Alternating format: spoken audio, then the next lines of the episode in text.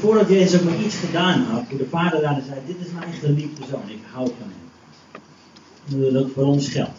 Dat voordat we ook maar iets kunnen of doen, dat er een glimlach vanuit de hemel is. Dat God tegen je zegt, ik hou van je. Niet om al die goede dingen die je ook wel kunt, gewoon om wie je bent, hoe ik je gemaakt heb. Amen. Dat is het hele begin van het leven met Jezus. Acceptatie vanuit de hemel. God houdt van ons voordat we iets gedaan hebben.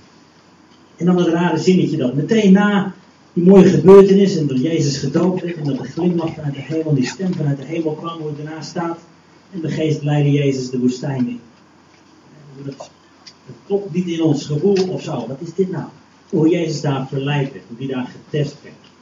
Dat ook helemaal bij het koninkrijk van God hoort. En dat niet per se is omdat Jezus ongehoorzaam was geweest, dat hij gestraft werd, in de woestijn werd gestuurd. Dat zien we soms wel zo in ons eigen leven, dat we denken, oeh, we hebben iets fout gedaan en nu zitten we in moeilijke omstandigheden. Nee. Er zijn tijden dat we getest worden. Dat vinden we prettig dat onze auto af en toe een APK heeft, dat er even getest wordt. Doen onze remmen het nog? Als we sturen, gaat het de goede kant op? Tijden van testen. Soms door verleidingen. Welke weg kies je? We komen helemaal bij het koninkrijk van God. En hoe Jezus daar in stand hield. Door te zeggen, er staat geschreven. Hij kon terugvallen op die basis, het woord van God. Heel, heel mooi dat niet wat we net zo mooi Heel veel weten we misschien niet. En heel veel dingen zijn moeilijk in het leven, maar dit weten we. Dit is wat ik geloof. Ik geloof in God de Vader. Ik geloof in God de Zoon, in de Heilige Geest. Dat is die enige God. Dat zijn de dingen in tijden van moeilijkheden, dat kunnen we op terugvallen. Het woord van God. Dus daar kijken we afgelopen paar weken naar. We gaan nu verder lezen, dus als je Bijbel bij je hebt, dan gaan we verder met Matthäus 4. Vanaf vers 12. Ik lees het vanuit deze Bijbel in gewone taal. Jullie hebben een Bijbel in rare taal, maar ik heb in gewone taal.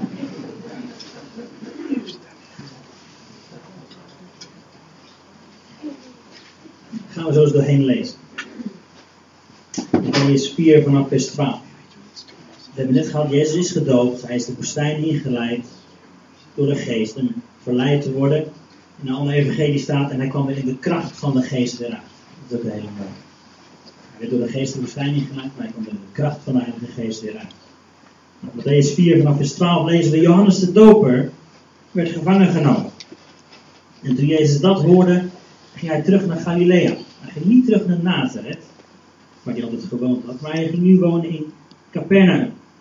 Die stad lag bij het meer van Galilea, in het gebied van Zebulon en Naphtali. Dan staat er hier, dat moest zo gebeuren, want de profeet Jezaja had gezegd. Luister, gebied van Zebulon en Naphtali, tussen de Jordaan en de zee. Luister, Galilea, land van de ongelovigen. Dit volk leeft nu nog in het donker, maar het zal een stralend licht zien. De mensen leven nu nog in het land van schaduw en dood, maar ze zullen leven in het licht. Even op hier, we lezen een stukje verder. Dat zie je door heel Matthäus heen gebeuren. Matthäus is geschreven aan, aan Joden, aan mensen die vanuit de traditie wilden leven. En Matthäus probeert hij duidelijk te maken. Luister, degene waarover al eeuwenlang geprofiteerd wordt, is Jezus. Dat zie je telkens weer terugkomen. Want Matthäus schrijft, dit deed Jezus en daardoor werd deze profetie vervuld. Dit gebeurde er, want het moest gebeuren. Je ziet hier het grotere plaatje van God. Al de eeuwen door denk je, oh, er zijn allemaal toevalligheden gebeurd en gezegd, maar uiteindelijk is dit het grote plaatje van God. Ik heb misschien wel het beeld van het tapijt wat geweven wordt. En dat we vanaf de onderkant, als je kijkt vanaf de onderkant van het tapijt, zie je een heleboel knopen en rare dingen. Dat je denkt, er zit geen patroon in, er klopt niks van. Maar God kijkt vanaf de bovenkant naar het mooie kleed wat gemaakt wordt, naar het mooie tapijt. En dat is misschien ook zo voor de Joden geweest. Dat er een heleboel dingen gebeurden en gezegd werden waar ze geen chocola van konden maken. Maar God zag het grotere plaatje. Hij wist wat er zou gaan gebeuren. Dat geldt ook voor dit verhuizen van Jezus. Heel praktisch. Hij ging terug naar Galilea, maar hij wonen in Capernaum. Misschien een, een beetje een rare brainwave, maar ik moest hier echt aan denken aan Ede ook en aan, deze omgeving. Een heleboel mensen die we kennen, die zijn hier maar komen wonen, want we denken dat het niet of zo. We hebben zo'n gevoel dat God ons hier wil hebben, maar waarom? Geen idee. Ik geloof dat Gods hand er inderdaad in is. Dat een heleboel connecties die hier gelegd worden, die hier Ede gebeuren, een heleboel netwerken, die zijn allemaal niet voor niks. Het is niet alleen maar omdat wij denken dat het oké is. Gods hand is. Want dat geldt misschien ook voor jou op de plek waar je nu zit. Ja, wat doe ik hier in Ede? Wat is mijn plan hier? Wat, God, wat is uw plan? Net zoals dit past in het grotere plaatje van God. Geloof dat we hier niet voor niks zitten. Dat Connect Kerk niet voor niks begonnen is. Dat deze relaties die we nu aan het bouwen zijn niet voor niks zijn. Dat eventjes heel praktisch. Dat grotere plaatje van God. En daarna staat er vers 17. Vanaf dat moment begon Jezus goede nieuws te vertellen aan de mensen. Hij zei, dit is het moment om je leven te veranderen. Oftewel, bekeer. Want Gods nieuwe wereld, Gods koninkrijk, is nabij. Dichtbij gekomen. Hier begon Jezus te vertellen over het koninkrijk van God. Hij begon niet alleen te vertellen, hij begon het ook te doen. Daar gaat de rest van Matthäus over. Over de wonderen die hij deed, over de woorden die hij sprak, over de persoon die hij is. We lezen vers 18. Op een dag liep Jezus langs het meer van Galilea. Daar zag hij twee broers, Simon, die ook wel Petrus genoemd wordt, en Andreas, de vader vissers. Ze gooiden hun netten uit in het water. Jezus zei tegen hen: Kom, ga met mij mee. Volg mij. Ik zal jullie leren om mensen te vangen in plaats van vissen. Meteen lieten ze hun netten liggen en ze gingen met Jezus mee. Een eindje verder zag Jezus twee andere broers, Jacobus en Johannes. Hun vader heette Zebedee. Ze zaten in een boot netten te repareren samen met hun vader. Toen Jezus de twee broers riep, gingen ze meteen met hem mee. Ze lieten hun vader in de boot achter. Even tot hier. Ik denk als ik een titel zou willen plakken op vandaag, op deze boodschap, deze gedachte, zou het zijn: Het koninkrijk van God is op reis met Jezus. Jezus volgen.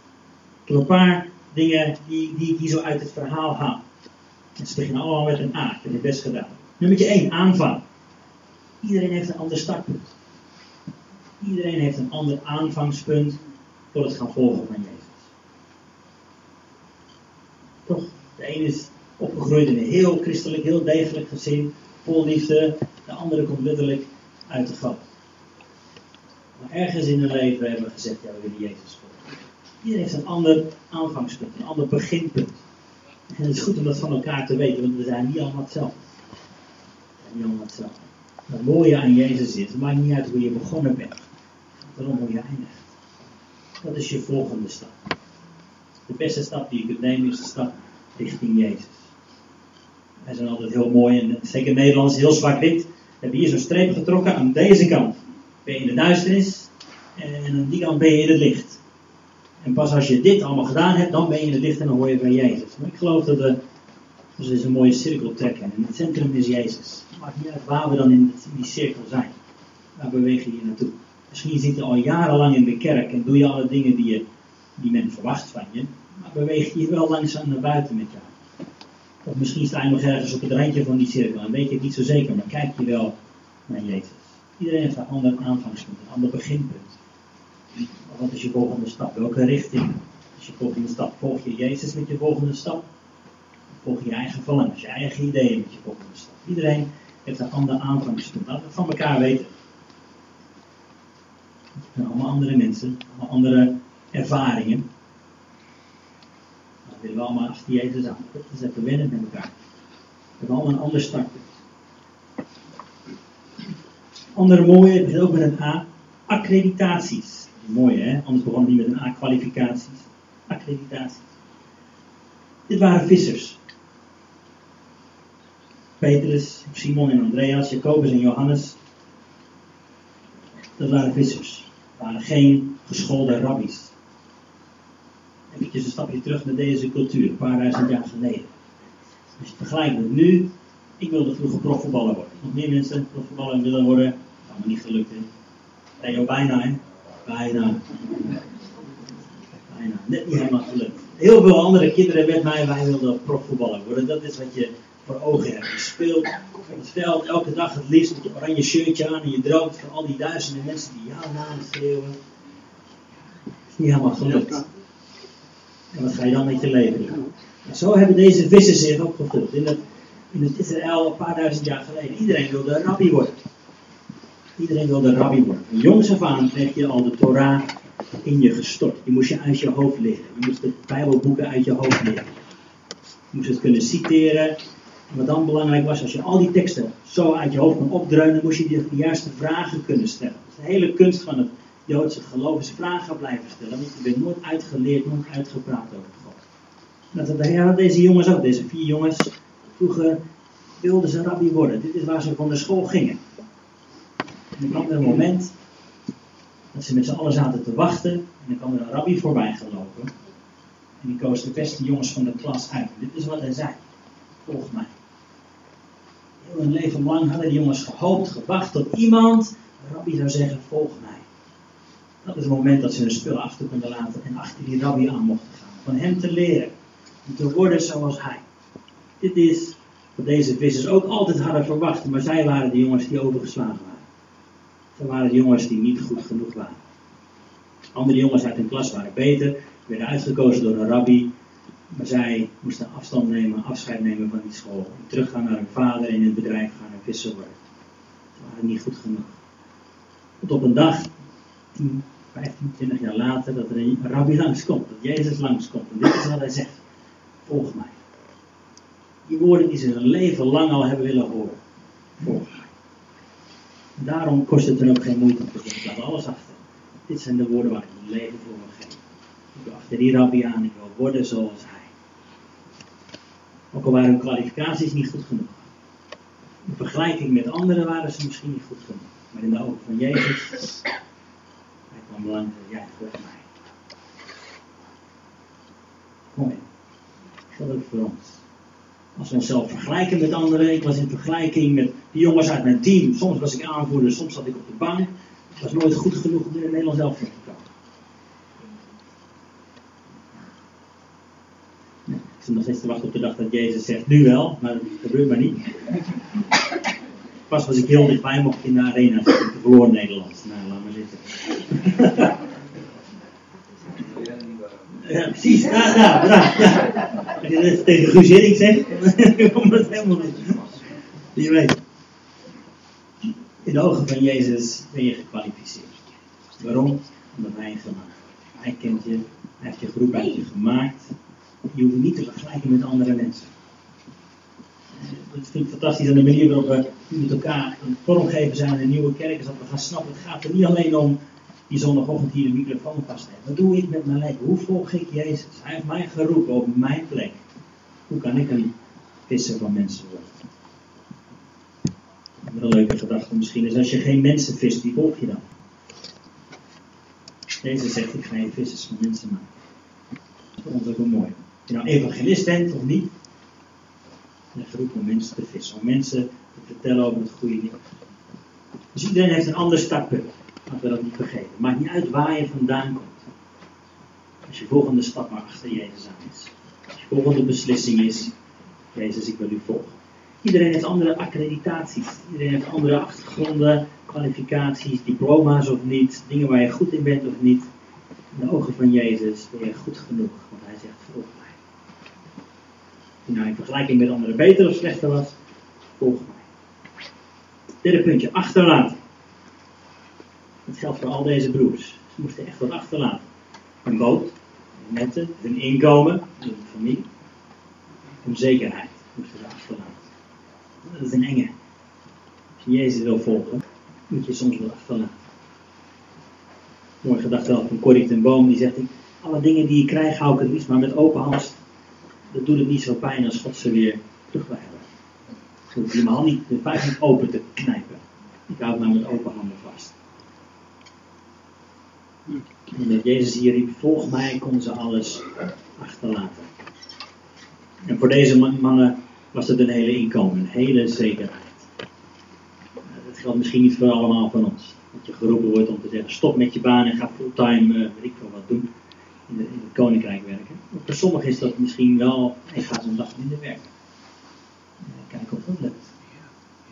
Sommigen is het een andere zekerheid die je achter moet laten. Relaties die je altijd wel hebt gehad, maar die eigenlijk heel ongezond zijn. Waar je identiteit uit halen. Vriendschappen met mensen die je eigenlijk alleen maar neerhouden. Kun je die achterlaten? Kun je die loslaten als volgende stap in Jezus volgen? Een van mijn favoriete verhalen die ik regelmatig noem hier is het verhaal van Abraham.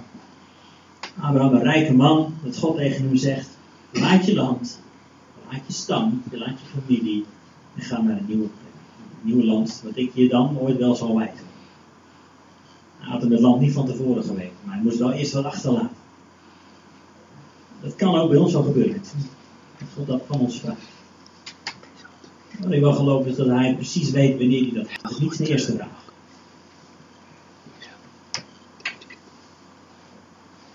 Kunnen ook dingen achterlaten als onderdeel van het volgen van Jezus. Andere letter die ik hier ook uithaal is de A van andere.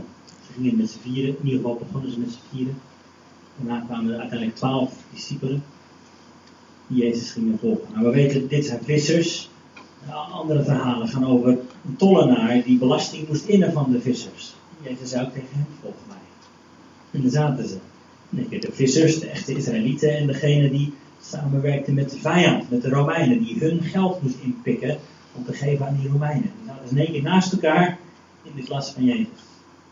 Mensen die ze nou niet per se zelf zouden uitkiezen. Het waren geen dikke vrienden, zeg maar. Wauw. Ja, Jezus, ik wil u volgen, ik wil u volgen. Oké, kun je dat samen met deze persoon doen? Nee, dat kun je mij niet volgen. Het is wel een logisch gevolg van achter Jezus aangaan. Dus dat je dat samen met anderen doet. De vesting van de hemel. je het samen met anderen doet. Zijn dat je beste vrienden? Nee, niet per se misschien. Zijn dat mensen met wie je automatisch heel makkelijk kunt vinden? Ja. Gaan we botsen? Ja. Gaan we elkaar aanslijpen? Ja. Uiteindelijk geloof ik. Als je een plek vindt met andere christenen, met andere volgelingen van Jezus. En je kunt elkaar gaan omarmen. Ook al botst het. Ook al is het soms even knallen en moeilijk. Dat je er verder door komt. Dat je uiteindelijk je karakter gaat veranderen. Uiteindelijk je meer op Jezus gaat lijken daardoor. Zie ook in Johannes en Jacobus dus. In het begin werden ze genoemd de zonen des donders. Er is een verhaal dat, dat een dorp niet wilde luisteren naar wat Jezus zei. En twee broers kwamen bij Jezus en zeiden, zullen we vuur uit de hemel neerroepen over deze stad dat ze zullen verteren? Dat is wel wel lijf dus. Dat een oude profeet ook ooit gedaan. En Jezus zegt, nee, nee. Ik weet niet dat je dit zegt. Dus het waren de zonen des donders, waren vurige mannen. Uiteindelijk is Johannes, de apostel van de liefde genoemd. Dus ergens in het proces van Jezus volk, ergens in de, die reis samen met anderen, heeft hij geleerd dat liefde overwint. Niet zijn rechtvaardigheidsgevoel, niet zijn boos zijn, niet zijn karakter. Uiteindelijk is hij gevormd door Jezus, door het leven met anderen. Dat kan soms wel even pijn doen. En toen al aan het begin van, van het ontstaan van de kerk, dat er in één keer er ruzie was tussen de ene groep weduwe en de andere groep weduwe, die kregen wel brood, die hadden geen brood. Natuurlijk gebeuren er dingen die moeilijk zijn. Ook daar weer een goede oplossing voor gevonden. Samen optrekken. En niet het zij en wij. Dat vond de titel zo mooi. Geloofsbeleidenis. Met al onze verschillen, hoe we denken over, over dopen, over de uitingen van de Heilige Geest, noem maar op. Dit is wat wat we zeker weten. Uiteindelijk willen we gevonden worden in Jezus kunnen we samen met anderen optrekken. Durf je je weer te geven aan een kerk? Durf je te geven aan een groep mensen die Jezus volgen? Uiteindelijk zijn we samen lichaam. Niet alleen maar een hand op een voet. Samen zijn. Ze gaan samen met anderen doen. De anderen, ze hebben allemaal een ander aanvangspunt, allemaal een ander startpunt. Allemaal andere accreditaties, kwalificaties, dingen waar we goed in zijn. Gaan achter Jezus aan. Moeten dingen achterlaten daarvoor sommige zekerheden, sommige karaktertrekken, sommige dingen die we hebben of doen of zijn. We leren achter. We doen het samen met anderen. Dat is het laatste puntje voor nu. Het is een avontuur. Ze wisten niet van tevoren wat er zou gaan gebeuren. Geen idee. Dat God ook Abraham in het verhaal ik net vertelde. Abraham wist ook niet waar hij naartoe ging. God zei: Kom, verlaat je land. Ga naar een nieuw land wat ik je TZT wel zal wijzen had niet gezegd, de uh, bestemming, eindbestemming is dit, dus je moet nu gaan. En durf je te volgen zonder dat je precies weet waar je naartoe gaat. God is Jezus. Hij riep zijn discipelen, volg mij. Uitkomst, heel onzeker. En dat is in alle eeuwen niet veranderd voor christenen. Dat zien we al in de eerste brieven van Paulus ook. Die schrijft, ik weet dat God me roept naar allerlei steden en plekken en dat daar vervolging wacht. En ik niet precies weet hoe ik ga. Maar ik ga wel. Dat God me roepen. Allemaal avontuurlijke dingen. Gisteren gingen we naar een open dag eh, in Barneveld van het Paradijs, ken? Zorgtoederij. Echt een leuke aanrader. Maar we wisten natuurlijk niet zo goed waar het was, dus we typen dat in in onze TomTom. De rest van zorgboerderij paradijs, bla Onder een kleine waarschuwing. Let op, onverharde wegen. Wilt u de onverharde wegen vermijden? Nee, want dan kom je er niet. Oh, wat een leuk beeld eigenlijk. Als je de onverharde wegen wil vermijden, dan kom je er niet. Dat gaat je niet lukken. Je gaat namelijk midden in de bush-bush staan. Er zijn alleen maar onverharde wegen om daar te komen. Ook voor jou en mij. Als je onverharde wegen wilt vermijden in het leven, als je onzekerheden wilt vermijden, als je pijn wilt vermijden, als je moeilijkheden wilt vermijden, dan kun je niet voor zijn. Het is een one package deal. Het wordt er helemaal bij. Worden even losgeschud, moeten dingen achterlaten. Het is een avontuur. Zijn we er open voor? Alles wat ik vind wil, in u. Niet in mijn bankrekening. Niet in mijn identiteit, niet in mijn vrienden, niet in mijn huis. Alles wat ik vinden wil, is in Jezus. Het is een avontuur. Kunnen we dingen achterlaten? Ik willen we dat samen met elkaar aangaan. Hele, hele simpele vraag. Waar, waar ben jij in je reis met Jezus? Ben je al begonnen überhaupt? Heb je al een aanvangspunt? Heb je al gezegd, ja Jezus, ik weet niet veel, maar ik weet dat u dat vertrouwen bent. Vanaf hier wil ik een stap zetten om te gaan volgen. Dat je in die fase, dat wil ik je uitnodigen, aanmoedigen. Dat vandaag een dag zijn dat je een stap zet om Jezus te gaan volgen. Misschien denk je wel, ik ben niet goed genoeg. In vergelijking met anderen, mijn kans is al geweest. Ik heb geen bijbelschool gedaan. Ik heb deze dingen allemaal gedaan. Allemaal dingen in mijn leven gebeurd die allemaal niet goed waren. Ik hoort helemaal niet bij een christen bedreven dit. Laat maar zitten. Laat dit een dag zijn dat Jezus langs loopt en zegt, kom volg mij. Dat ik niet de kwalificaties denk ik niet goed genoeg zijn.